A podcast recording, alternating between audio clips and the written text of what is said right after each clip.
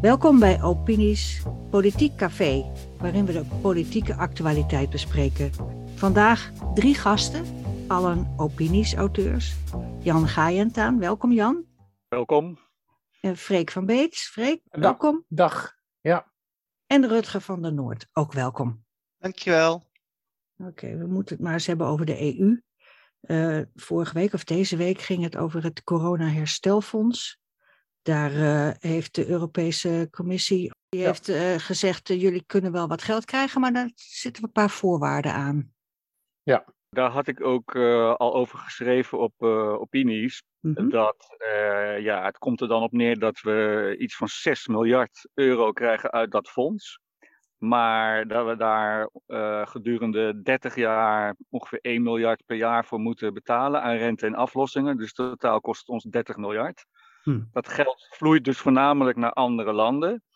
En uh, die 6 miljard euro, daar worden dan weer allerlei voorwaarden aan verbonden, zoals afschaffen van uh, of verminderen van de hypotheekrenteaftrek. Dus ja, het is ook weer de zoveelste stap richting een transferunie. Uh, wat we volgens mij niet moeten willen. Nou ja, kijk, die, die, die voorwaarden, dus, de spelen ze vanuit Brussel natuurlijk heel slim. Want Rutte heeft toen als een soort overwinning in Nederland verkocht dat dat geld niet zomaar naar die landen gaat, maar dat er wel degelijk voorwaarden aan gebonden zijn alvorens landen tot besteding van dat geld over kunnen gaan. Dus nu gaan er dus ook voorwaarden richting Nederland. En dus uh, zullen ze in Brussel zeggen van ja, hoor eens even, jullie hebben zelf gewild dat er voorwaarden aan die steun worden, worden gehecht. Dus dat geldt ook voor jullie. Dus je vindt dat het eigenlijk wel logisch? Nou ja, logisch. Het is, het, is een sigaar uit eigen doos. Hè. Dus kijk, Nederland betaalt, zoals Jan zegt, bijna 30 miljard. En, en krijgt er dan 6 miljard uit. Ja, je kunt het tegen elkaar wegstrepen, heeft geloof ik ook als een politicus gezegd.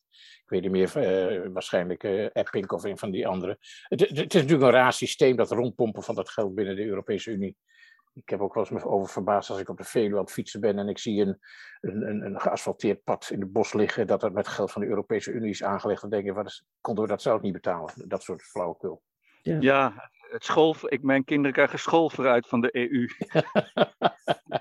is toch... om, het, om het er vroeg een beetje in te stampen. Dus ja, je moet, ja, ja. moet erom lachen. Ja. Maar, uh, het, nou ja, het is, kijk, uiteindelijk heb je een samenwerkingsverband volgens mij om daar uh, win-wins uit te halen. Dus, en dat hoeft niet altijd, maar op de lange termijn zou je daar samen sterker en beter van moeten worden. En als je de afgelopen tientallen jaren terugkijkt, denk ik dat, dat Nederland echt wel wat voordelen heeft behaald op het gebied van uh, vermakkelijken van de handel en uh, nou, uitwisseling uh, van bepaalde dingen. Bedrijven die makkelijk kunnen uitbreiden door Europa heen. Ja. Dus dat, dat zijn allemaal best wel voordelen. Alleen als je daar tegen afzet alle funds die wij hebben moeten betalen, omdat wij nou toevallig sterke schouders zijn, omdat wij de zaken wel goed op orde hebben als land ja, dan langzaamaan begint gewoon dat helemaal om te slaan. En zijn de nadelen in mijn beleving groter dan de, dan de voordelen die je ook misschien wel op een andere manier kan regelen. Dus je kan ook buiten een EU-verband uh, handel drijven met een EU-blok.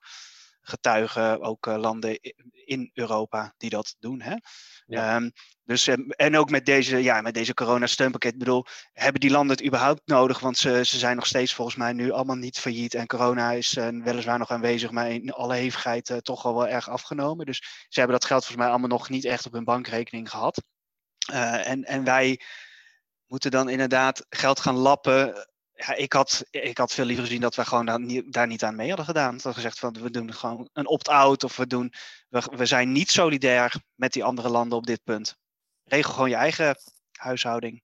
Ja, er is niks tegen solidariteit, maar dit is natuurlijk een hele rare situatie. Eh, als, als het inderdaad de bedoeling is dat we met z'n allen een mooie zonnige toekomst tegemoet gaan, waarin iedereen ook zo'n beetje gelijke kansen en rechten enzovoort heeft, dan snap ik nog steeds niet waarom wij bijvoorbeeld, waarom Frankrijk nog steeds een, een, een immens begrotingstekort kan hebben, Italië met grote schulden zit, uh, Frankrijk rustig, de, en, Italië trouwens ook, de pensioengerechtigde leven nog ver onder de 65 kan houden.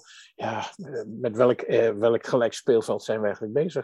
Is het niet. Het is, het is gewoon. Um aan de ene kant graai uit de grote ruif waar je kan. En aan de andere kant uh, niet willen hervormen. En wij zijn uh, eigenlijk precies uh, verkeerd onbezig. Hè. Wij, wij, wij, wij, wij, we pakken niet de voordelen die er ultiem zijn. En we, we pakken wel de nadelen die we eigenlijk niet willen hebben. En dan onder het mom van ja, we hebben, helpen de, de, de waren een van de oprichters van de EU, we kunnen er maar niet uitstappen en dit en dat. Nou, ik zou echt een, ernstige herziening van dat standpunt willen zien. En gewoon eens echt rekensommen gaan maken. Visies kijken van is de toekomst van Nederland nou wel zeg maar, ehm, veilig in een EU-blok of kan je beter andere partners zoeken waarmee je zeg maar, lange termijn door wil.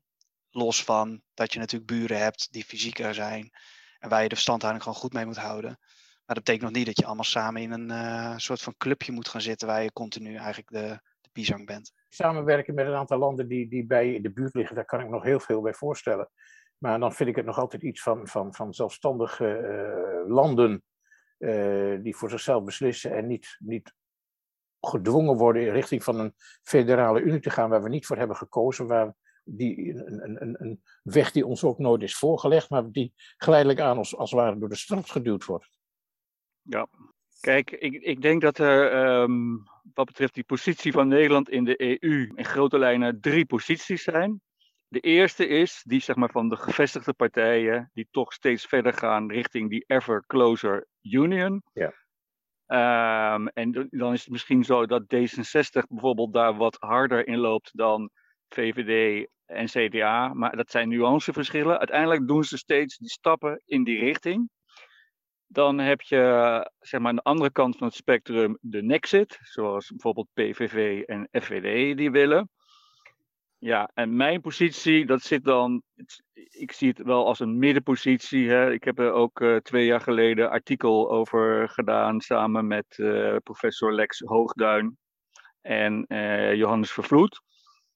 zeg maar het opt-out model, wat Rutger overigens ook al noemde, of het Deense model. Dus dat, dat ik, mijn, mijn inzet nu zou zeggen, laten we nog in ieder geval voorlopig wel in die EU en die interne markt blijven. Maar laten we gewoon duidelijk maken, uh, en dat zou dan echt een uh, ja, soort cultuuromslag moeten zijn in de politiek, dat we niet meer met alles mee gaan doen. Uh, dus als die landen ja, een soort immigratie-unie, klimaatunie, transferunie allemaal willen gaan doen, dan moeten, als Frankrijk en Duitsland daar steeds verder op aansturen, moeten ze dat gewoon zelf doen en zelf betalen. Maar wij moeten gewoon duidelijk gaan maken zeg maar, en dat is dan de vergelijking met Denemarken, van, daar doen wij niet meer aan mee. Wij, wij stappen daar, in ieder geval dat gedeelte stappen we uit. Dus dat is mijn maar vind je, vind je niet dat we er al te ver uh, in zitten dan, Jan? Want als je kijkt naar de, de, het kabinet, uh, moet natuurlijk nu praten over uh, een regeerakkoord. als je kijkt naar de grote dossiers die er nu voor liggen, dus aan de ene kant migratie, woningbouw, woningnood, um, stikstof, klimaat, even los van of dat allemaal echte, echte problemen zouden zijn. Maar als we even ervan uitgaan dat dat op tafel ligt dan zie je dat heel veel van die dossiers gedomineerd worden door uh, wetgeving uit uh, Brussel. En, en uh, grenzen die aangegeven worden door Brussel, waarbinnen eigenlijk het speelveld om nog besluiten te kunnen nemen enorm klein worden. waarbij je eigenlijk dus ook geen kant op kan bewegen. En, en waar, waar ook nog eens tegenstrijdige belangen in zitten. Hè? Dus hoe meer migratie, hoe meer woningnood. Hè? Dus iedereen, die kan iedereen begrijpen. Um, dus je kan eigenlijk geen eens de dossiers meer oplossen volgens mij zonder eh, dramatisch uh, soevereiniteit weer terug te halen eigenlijk op bepaalde dossiers. En gewoon te zeggen, op Dublin, hè, lees migratie, eh, doen wij gewoon niet, niet, niet meer mee. Op Stikstof doen wij niet meer mee. Op klimaat gaan wij onze eigen route. En dan binnen dat, eh, om die lijnen, die grenzen weer wat verder op te rekken. Waardoor je, je postzegel weer iets groter wordt. Waardoor je besluitvorming weer beter kan plaatsvinden. Ik denk dat we gewoon, we zitten al te veel vast. Dus als nu niet het moment is, ja, wat is er over twee jaar dan nodig om jou van een midden, uh, middenpositie, uh, zeg maar, naar een exit positie te krijgen? Nou, kijk, ik volg jouw redenering wel. En ik vind alleen, we doen het ons voor een groot deel zelf aan. Uh, Nederland is het enige land volgens mij dat de eigen grondwet ondergeschikt heeft verklaard aan, uh, aan internationale wetten. Nederland is ook steeds de eerste die, ja, die ook weer de deuren opent voor enorme asielzoekersstromen. Terwijl bijvoorbeeld uh, Denemarken, om dat land nog maar eens te noemen, dat, dat uh, nauwelijks doet. Dus je zou, denk ik, door gewoon assertiever te zijn, en dan, maar nogmaals, het zou een cultuuromslag moeten zijn. Dan moeten onze vertegenwoordigers in Brussel heel anders te werk gaan. Zou je een, een deel van die ruimte wel kunnen veroveren, of terugveroveren. Net zoals bijvoorbeeld ook heel veel landen in Oost-Europa helemaal niet meedoen met die uh, asielzoekeropvang. Uh, Alleen, kijk, ik, ik, ik, ben wel met je eens dat als we die ruimte niet krijgen, of als dat, dat, dat, dan zal je wel op enig moment moeten overwegen om eruit te stappen. Maar voor mij is dat wel zeg maar, het laatste, laatste redmiddel, de laatste stap. Nou, dat komt, komt vooral op politieke wil. Nou, we hebben in Nederland geen politieke partijen, althans geen, geen politieke partijen zeg maar, die in het centrum van de macht zitten, eh, die ook maar eh, zijn gedachten in die richting durven laten gaan. Uh, de VVD was onder Bolkestein nog een beetje die kant op, totdat Bolkestein ja. zelf naar Brussel ging, zal ik maar zeggen. Uh, toen was het ineens allemaal uh, koekenij met Brussel. Maar CDA en VVD dus nu ook en D66 en ChristenUnie, zeg maar de partijen die straks de, de, nieuwe coalitie gaan vormen, of eigenlijk de oude coalitie gaan voortzetten, die zie ik echt niet in, in staat, laat staan bereid om, uh, om, om daar veranderingen aan te brengen. En ook aan de linkerkant PvdA en GroenLinks. Nou, die zijn ook erg uh, pro-Brussel, pro-EU.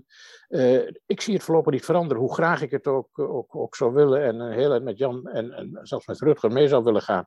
Ik zie het gewoon niet gebeuren. Ja, je hebt nog één gamechanger en dat is misschien Pieter Omzicht. Hoewel hij natuurlijk redelijk eurofiel is vanuit de Raad van Europa, waar hij veel in heeft gedaan. En, en alle andere zaken las ik laatst wel iets dat hij wel vrij kritisch was op de euro. En uh, dat hij dat ook niet meer goed zag komen. Uh, meen ik ergens te hebben gelezen. Dus toen dacht ik wel van nou, als die nou, als je uiteindelijk een keer natuurlijk uh, na dat vechtkabinet Rutte 4, waarin Kaag en Rutte op een duistere zaterdagavond elkaar, denk ik, bloedend in de Kamer tegenkomen. omdat ze elkaar de nek hebben doorgesneden. Dat je dan, dat, dat dat kabinet alsnog een keer valt. Dat je dan misschien een, een nieuwe ja, nieuwe eh, elan krijgt en, en dat omzicht dat gaat doen. Maar ik ben het helemaal met je eens. Ik zie dat ook niet zo snel gebeuren. Het is gewoon, het is, uh, we zitten gewoon in, de, in deze structuur. En ik weet ook niet wat er dan wel voor nodig zou moeten zijn om zo'n politieke wil te creëren. Ja, Terwijl overduidelijk het, uh, zeg maar de bevolking helemaal niet zo eurofiel is dat dat het lijkt. Iedereen wil natuurlijk wel in de interne markt blijven, dat begrijp ik ook. En dat vind ik ook dat we dat moeten. En dat moeten we zeker borgen, en et cetera. Ja. Maar dat is wat anders dan met al die gekte meedoen. Ik zie politiek er helaas op dit moment geen, geen, geen ruimte voor. En als je naar de media kijkt, we hebben ook geen eurokritische media op, op Elsevier na. Het is de enige, enige uh, tijdschrift, weekblad, dat nog echt kritisch ten opzichte van ontwikkelingen in, in, in Europa is. Maar alle kranten van links naar rechts, voor zover je dat scala nog kunt hanteren, zijn allemaal pro-EU, zijn weinig eurokritisch. Dus daar, daar zullen we het ook niet van hebben. Nee, dat klopt. En um, ik wil even inhaken op wat Rutger zei over omzicht. Dat is eigenlijk wel een interessant uh, uh, voorbeeld. Want uh, dat las ik ook. Omtzigt heeft een brief geschreven aan de informateurs. waarin hij pleit voor opt-outs in de EU. dus eigenlijk hetzelfde wat, uh, waar ik toen in dat stuk uh, samen met Johannes en Lex voor heb gepleit. Mm -hmm. En ook al bijvoorbeeld Sipwinia al veel langer voor pleit. Het was eigenlijk ook de positie van Pim Fortuyn. Hè. Die wilde niet uit de EU, maar die wilde dat Nederland daar veel meer zelfstandig ja. in. Ja. Maar nu even terugkomend op omzicht. Kijk, het interessante is. Toen Omtzigt nog bij het CDA was, toen pleitte hij inderdaad eigenlijk voor meer EU. Hè. Die regels moesten van de eurozone, die moesten strenger nageleefd worden. En nu is hij uit het CDA en ineens pleit hij voor opt-outs. Eigenlijk ook het Deense model. Hetzelfde zag je bij Ronald Plasterk, die toen hij ja. wel altijd al uh, kritisch geweest ja. op de EU. Dat moeten we hem wel nageven. Maar toen hij minister was, toen hij bij de PvdA een hoge functie had, hoorde je hem daar nauwelijks over. En hij is eruit. En nu schrijft hij wekelijks uh, prima columns, waarin hij ook eigenlijk voor het Deense model pleit. Dus kennelijk is er een soort mechanisme, en dat, uh, ben, en daarom deel ik ook wel jouw pessimisme, Freek. Dat als je in, nu in de macht zit, of aan, bij, bij, bij, CDA, VVD, noem maar op, dan kun je nauwelijks kritisch zijn, kennelijk. Nee. Want dan wordt het uitgegooid. Dus dat durven ze niet. Hetzelfde geldt misschien ook wel voor de, voor de meeste media. Ja, en zodra mensen dan uh, eruit worden gebonjourd of, of, of uh, zelfstandig, dan, dan ineens blijkt dat ze er wel anders over denken. Dus dat is natuurlijk een heel gevaarlijk mechanisme.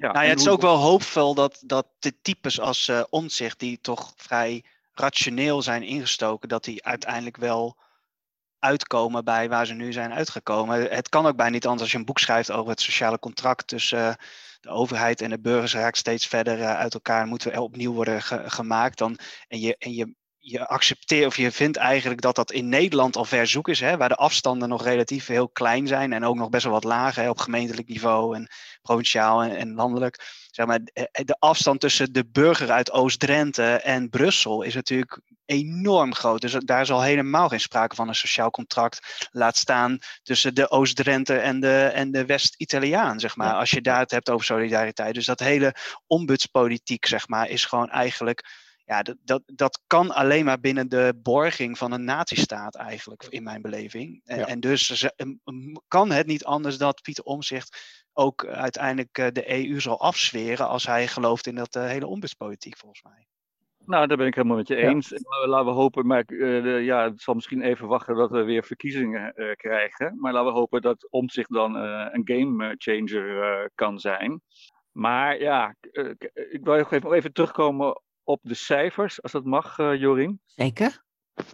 Uh, want dat had ik nog even uitgezocht. Kijk, en, en daarom ben ik niet zo'n uh, voorstander ook van het uh, verlaten van die interne markt met name.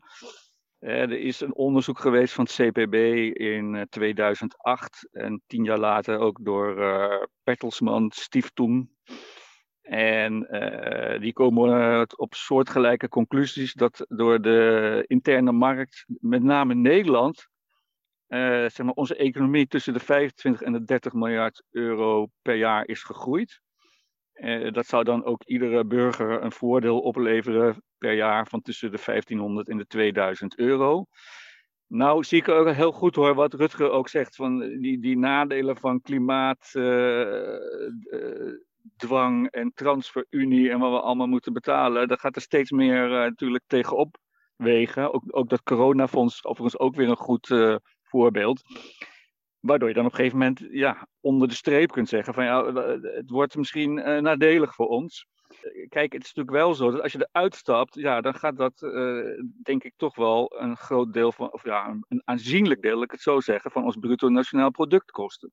Je moet je natuurlijk wel afvragen, die, die extra inkomsten die binnen zijn gekomen in het land, dat, dat één, daardoor moeten, zijn onze afdrachten aan de EU ook weer gestegen. Want dat wordt ook een, is ook een rekensom van je, van je bruto nationaal product. Dus dat is één. Twee, er zijn, eh, ik denk dat heel veel van het geld uiteindelijk bij aandeelhouders is terechtgekomen die uh, in, in het buitenland uiteindelijk weer wonen. Dus of echt Jan van der Straat daar heel veel van heeft gezien, van die 25 en 30 miljard vraag ik me af, terwijl ze aan de andere kant wel al die kosten moeten ophoesten uh, daarvan. En wat je denk ik zult zien is, uh, als je uitstapt en ook uit de EU of uit de eurozone stapt, hoewel je in mijn beleving wel de, de euro zou moeten blijven accepteren als wettelijk betaalmiddel, maar een soort hybride vorm zou moeten hebben in Nederland.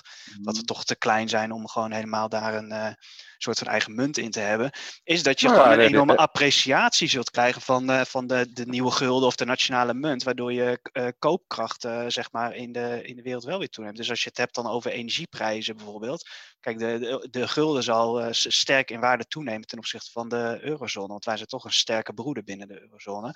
Dus onze inkoop, zeg maar, en zal, zal goed zijn. Onze export daarentegen, de, die zal de waarde ervan, die zal dan weer een, een klap krijgen. Maar als je hybride gaat prijzen en je Rotterdam zeg maar voornamelijk in de eurozone laat liggen als uh, construct, hè, als, uh, als handel, wat kan hè, uh, dan, dan kun je dat wel weer deels mitigeren. Dus ik denk, daar moet gewoon slim over nagedacht worden. Maar al die angstverhalen van ja, als je uit de EU stapt, klapt je handel in en zo. Dat zijn allemaal, dat zijn diezelfde apocalyptische verhalen die je dan zeg maar bij, bij de brexit hoorde. Terwijl, ja, ja ik bedoel, eh, in, in Engeland zijn echt wel dingen aan de hand hè, op allerlei terreinen. Hè, op uh, personeel, uh, omdat die migratie natuurlijk uit de Oostblok stil ligt. Maar het is niet zo dat de supply chain is rimpeling in de, in de supply chain. Maar dat ja. over tien jaar heeft echt niemand daar meer over volgens mij. Hoor. Dat is echt hm. gewoon uh, weggeappt allemaal en, en opgelost.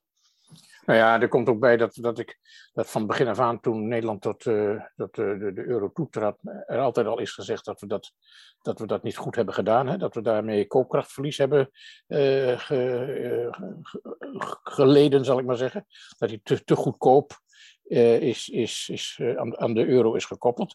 En, en in, in Oost-Europa, en een aantal Oost-Europese landen, heeft gewoon nog steeds de eigen munt. En daar hebben ze geen last van. Nee, dat klopt. Maar kijk, die euro, dat is, is natuurlijk, omdat we die al, uh, wat is het, twintig jaar hebben, is natuurlijk zo'n vervlechting van die financiële systemen, dat volgens mij ook niemand precies weet wat er gebeurt als we daar uitstappen. Dus dat maakt het ingewikkeld. Kijk, als we die euro nou, niet hadden, dan zou het nou, veel, wij op een regenachtige zondagmiddag zo een plan kunnen maken wat we wel willen en wat we niet uh, willen, en dan waren we nou, eruit. Dat plan ligt klaar toen, ten, ten, toen de Griekse crisis op zijn hoogtepunt was heb ik tenminste gelezen, ik heb dat verder natuurlijk nooit gezien, zijn er mhm. op financiën uh, scenario's gemaakt over het eventueel weer herintroduceren van, uh, van de gulden. Ja, als het helemaal fout zou gaan. Nou, dat was misschien heel goed geweest. Ja, dat weten we gewoon niet. Nee, maar, maar dat ligt dus klaar, hè? Ja. Men heeft erover en nagedacht. Wat, en wat denk ik ook wel, wel goed is om te realiseren, is dat toen, toen wij uh, zeg maar de gulden verlieten en de eurozone ingingen, was wel echt een ander tijdsgewicht. Hè. Nu is het natuurlijk veel meer gedigitaliseerd allemaal. Ja. Dus waar, ik weet ik kan gewoon een weekend naar Spanje gaan en eigenlijk geen enkel, gewoon überhaupt geen eens contant geld gebruiken. Want je, je pint gewoon alles. Dus of je dan pint met een gulden die dan in een automaat gaat of uh, met een euro. Dat heeft je niet. Vroeger ging je met die checks naar Zwitserland en dan moest je naar een bank en dan kreeg je dan uh, lokale francs. En dat was allemaal irritant en dit en dat. Maar die hele wereld is natuurlijk al helemaal anders. Dus of je. Eh, soms, je kan dus gewoon naar. Ik, ik, sterk nog, afgelopen zomer ben ik naar Liverpool geweest met mijn zoon naar een wedstrijd. En in dat hele weekend heb ik geen contant geld gebruikt. En ik heb alles in ponden betaald en alles digitaal. En het was helemaal no big deal. Dus het, het, het is maar de vraag of dat echt zo erg is om dan weer terug te ontwikkelen. Nee, dan kom je een beetje in de richting van de Matteo Solution-achtige eh, oplossingen. En dus misschien ook meer mogelijk dan we, dan we denken. Ja. Maar ja, toch denk ik dat we ook niet uh, een uh, soort crash moeten willen hebben van het financiële systeem. Dus ik ben daar misschien wat voorzichtiger in. Kijk, het probleem is ook, maar er zijn dus van die onderzoeken allemaal geweest. Hè. Je weet nog misschien het eh, onderzoek van de PVV toen naar Nexit, oh, ja. onderzoek gedaan door Capital Economics. Ja. Alleen het lastige is, het, het, hangt er altijd maar vanaf wat voor aannames je dan in zo'n onderzoek stopt. Kijk, de PVV, of de, dat bureau, die hadden de aanname gedaan van als wij eruit stappen, dan, uh, dan hoeven we dus geen uh, geld meer te betalen aan de EU, maar we krijgen wel een soepele toegang tot de interne markt. Uh, we kunnen, ja, en dan krijg je natuurlijk een win-win. dan kan je zeggen van ieder jaar gaan we er zoveel miljard op vooruit, maar we hoeven niks meer te betalen aan de EU, maar we kunnen wel net zo makkelijk met iedereen handelen. Maar dat lijkt me dan niet zo heel erg realistisch, eerlijk gezegd. Als wij eruit stappen dan, en, en de rest zou doorgaan, ja, dan, dan, dan gaan natuurlijk, uh, hè, dan willen de Belgen die willen graag Antwerpen uh, belangrijker worden dan Rotterdam. En de Duitsers die, die zien Hamburg als. Uh, ik werk zelf in de logistieke sector. Nou, niemand die ik spreek zit te wachten op een Nexit, kan ik je vertellen. Want voor Nederland als distributieland is het ook heel belangrijk, douane-unie, dat we daar allemaal in zitten. Maar Jan, niemand zit ook ooit op een scheiding te wachten in je huwelijk, zeg maar. Dat is, dat, dat, dat, daar teken je niet voor, daar ga je niet van uit. Maar op een gegeven moment moet je wel volgens mij jezelf in de spiegel aankijken, durven kijken van ja, is dit nou, uh, is dit nou voor beide partijen nog een voordelige situatie? Of zitten, en kijk, uh, als wij uittreden, gaan wij natuurlijk het Scheldeverdrag ook gelijk opzeggen. En dan, dan gaan we tol heffen op Antwerpen. En dan gaan we, weet je, dan, gaan we, uh, dan, dan moet je dat ook gewoon goed oplossen. in die zin. Ja, maar dat is, ehm, toch geen, dat is toch geen oplossing? Dan wordt, dan, want dan, dan gaan zij hetzelfde doen en dan, dan, dan verspelen we al die voordelen van die, van die, van die interne markt en van die. Dus ja. En maar uiteindelijk moet je het leverage hebben om uh, uit te stappen. En dat zag je bij Brexit ook. Uiteindelijk kwam de EU toch wel bij, uh, bij Londen aan met uh, willen jullie niet gewoon de Noorse variant hebben dat je toch in de interne markt kan blijven. Nou, dat hebben ze, daar hebben ze toen niet voor gekozen. Maar dat had wel ook wel gekund.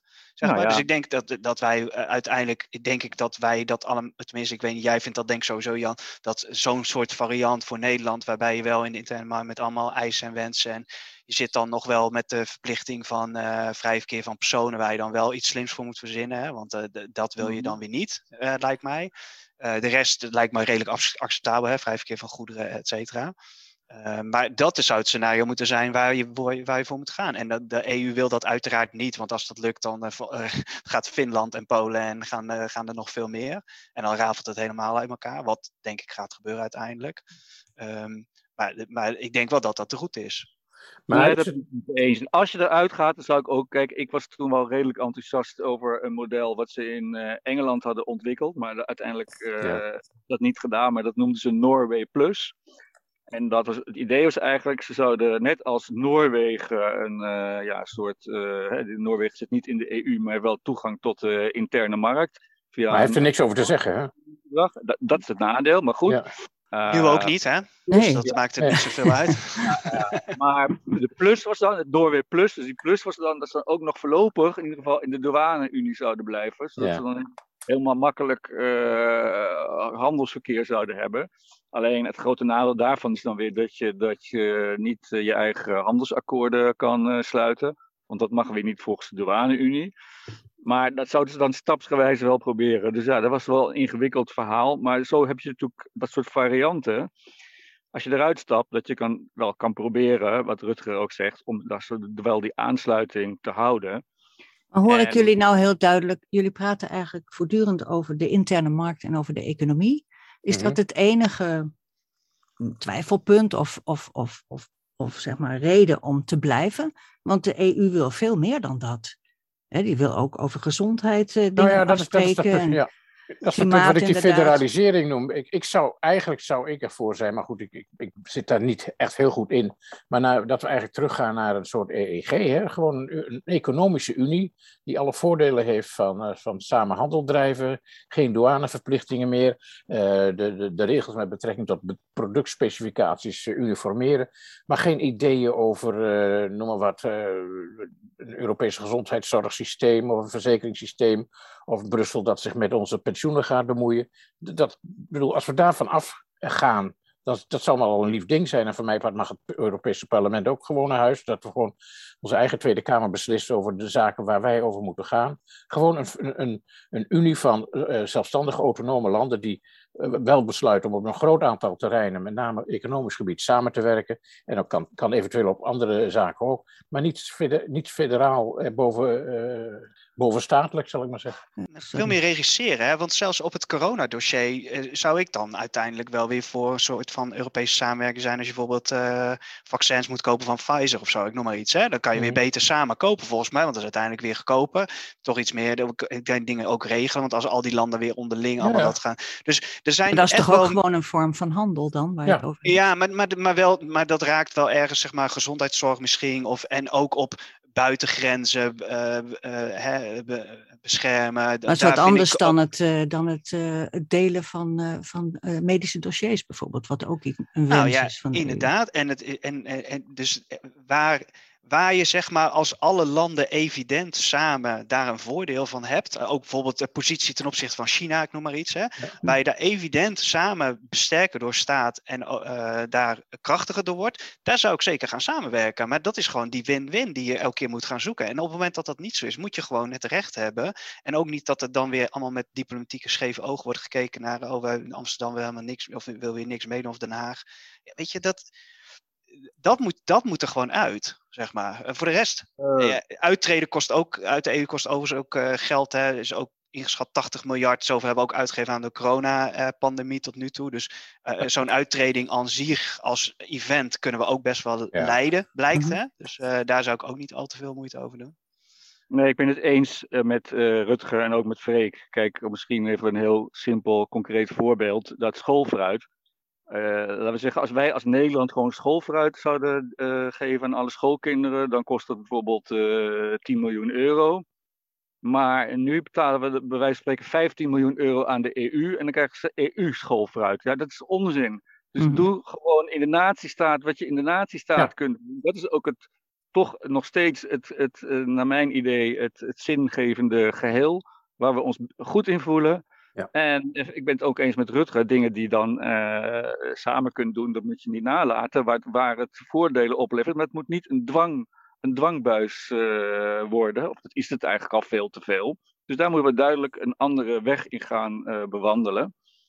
Ja, en Jan, en... jij, jij hebt nog wel hoop gevestigd op van binnenuit hervormen, hè? Ja, maar eh, ik denk dat je wel um, daar niet naïef in moet zijn. Dus eh, die, die, die, kijk, het is altijd ook een beetje academische discussie. Kan je nou de EU hervormen of niet? Mm -hmm. als we over die eurozone bijvoorbeeld hebben, dan kan Nederland is niet bij machten om die eurozone te hervormen, want Frankrijk en Duitsland bepalen dat. Ja. Dus, enige, dus wij kunnen wel zeggen van, hè, we zijn bijvoorbeeld voor het, uh, wat ik toen ook in dat stuk met Johannes uh, en, uh, en Lex Hoogduin heb aangeraden, zo'n zo'n Euro-holiday model. Dus de landen die niet mee kunnen komen, die moeten dan een tijdje eruit stappen. En niet, dus niet dat wij dan voor ze gaan betalen. Alleen, ja, als Frankrijk en Duitsland dat niet willen, gebeurt het gewoon niet. Dus ik vind dan dat Nederland gewoon moet zeggen van, nou, dat, dat kunnen jullie vinden, maar dan, dan gaan jullie dat betalen. Wij betalen dat gewoon niet meer.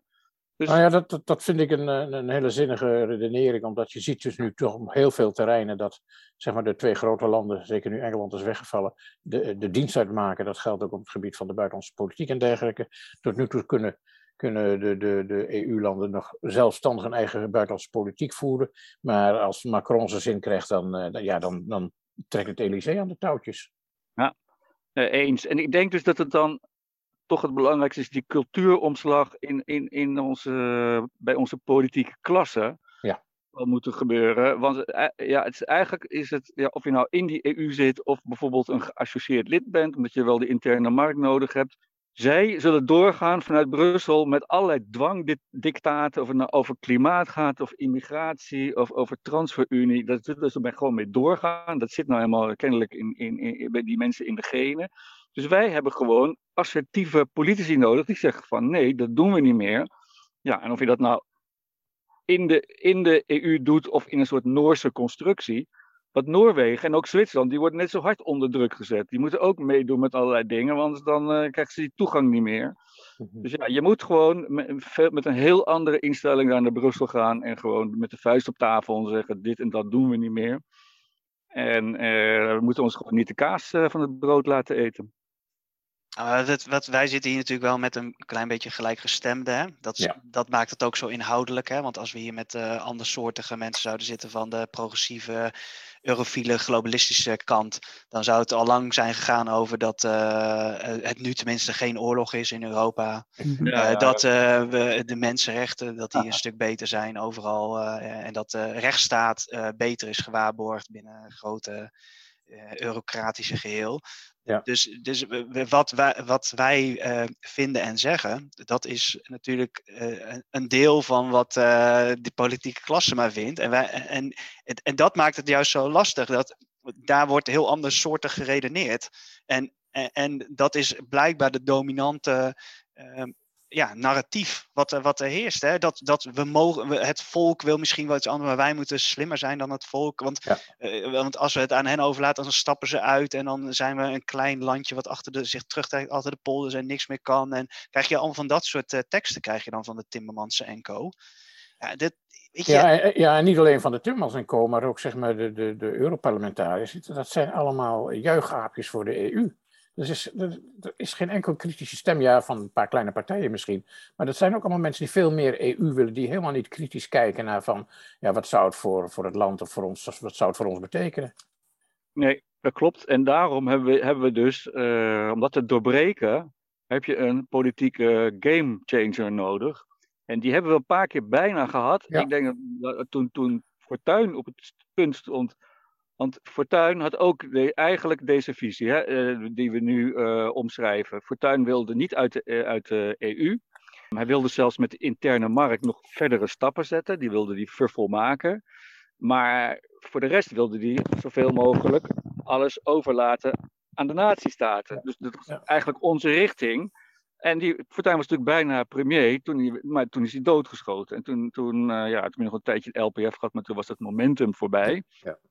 Vervolgens denk ik dat toen ehm, met uh, Forum voor Democratie, toen ze die in 2019 uh, eh, ineens uh, de grootste partij werden, dat je ook enorm momentum ja, die richting. Ja. Dat is gewoon, vind ik nog steeds zo eeuwig zonde, dat Thierry ja. toen komen het spoor bijster raakte en de meest vreemde dingen ging roepen. Ja. ja, waardoor je eigenlijk dat momentum ook weer helemaal bent kwijtgeraakt. En nu heb je natuurlijk een enorme verdeeldheid uh, aan, de, aan, de, aan de euroceptische kant. Ja, en, en misschien dat uh, een omzicht dan uh, iets kan betekenen in die richting. Nou, maar laten we, daar, uh, laten we het daarmee ja, proberen. Laten we daarop hopen. Ja, ja, laten we daarop hopen. Want zeg maar, de echte politieke wil om nu al grote stappen te zetten, die is er niet. Dat zijn jullie het wel over eens.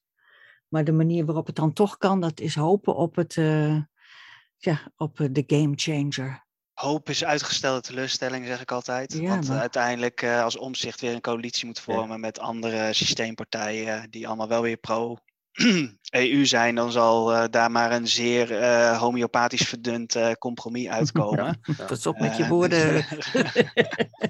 ja. nee, ik, ben, ik ben ook niet optimistisch. Maar nee. kijk, mm. aan de andere kant is bijvoorbeeld wat je nu ziet met die energieprijzen, die dat door dat rare beleid iedereen ineens een driedubbele energierekening krijgt. Kijk, dat soort dingen gaan meer gebeuren, doordat het beleid niet klopt. En dan krijg je natuurlijk... ja, Wel momentum misschien. Ja. Ja, dan krijg je een soort van uh, revolutionaire toestand. En dan kan misschien zo'n doorbraak wel gebeuren. Dus uh, dat uh, is misschien niet iets waar we op zich op zouden moeten hopen, maar dat gaat gewoon gebeuren. En dus ja, dan, dan, en dan zal de politiek misschien weer een momentum ontstaan. Precies. En ondertussen ja. blijven wij er gewoon over schrijven, bij ja, opinies. Precies. Met goede ideeën over hoe het beter kan en hoe het wel kan. Lijkt me een goed plan. Ja. nou, de tijd zit er weer op. Het was een interessant okay. gesprek, ja. inhoudelijk inderdaad, wat uh, Rutger zei. Hartelijk bedankt alle drie voor uh, jullie bijdrage. Graag gedaan. Ja, bedankt Jorien. Ja, nou. Dit was de podcast van Opiniescom. Opinies met een Z. Voor de nieuwste bijdragen en columns over politiek en maatschappij in binnen- en buitenland. Het is helemaal gratis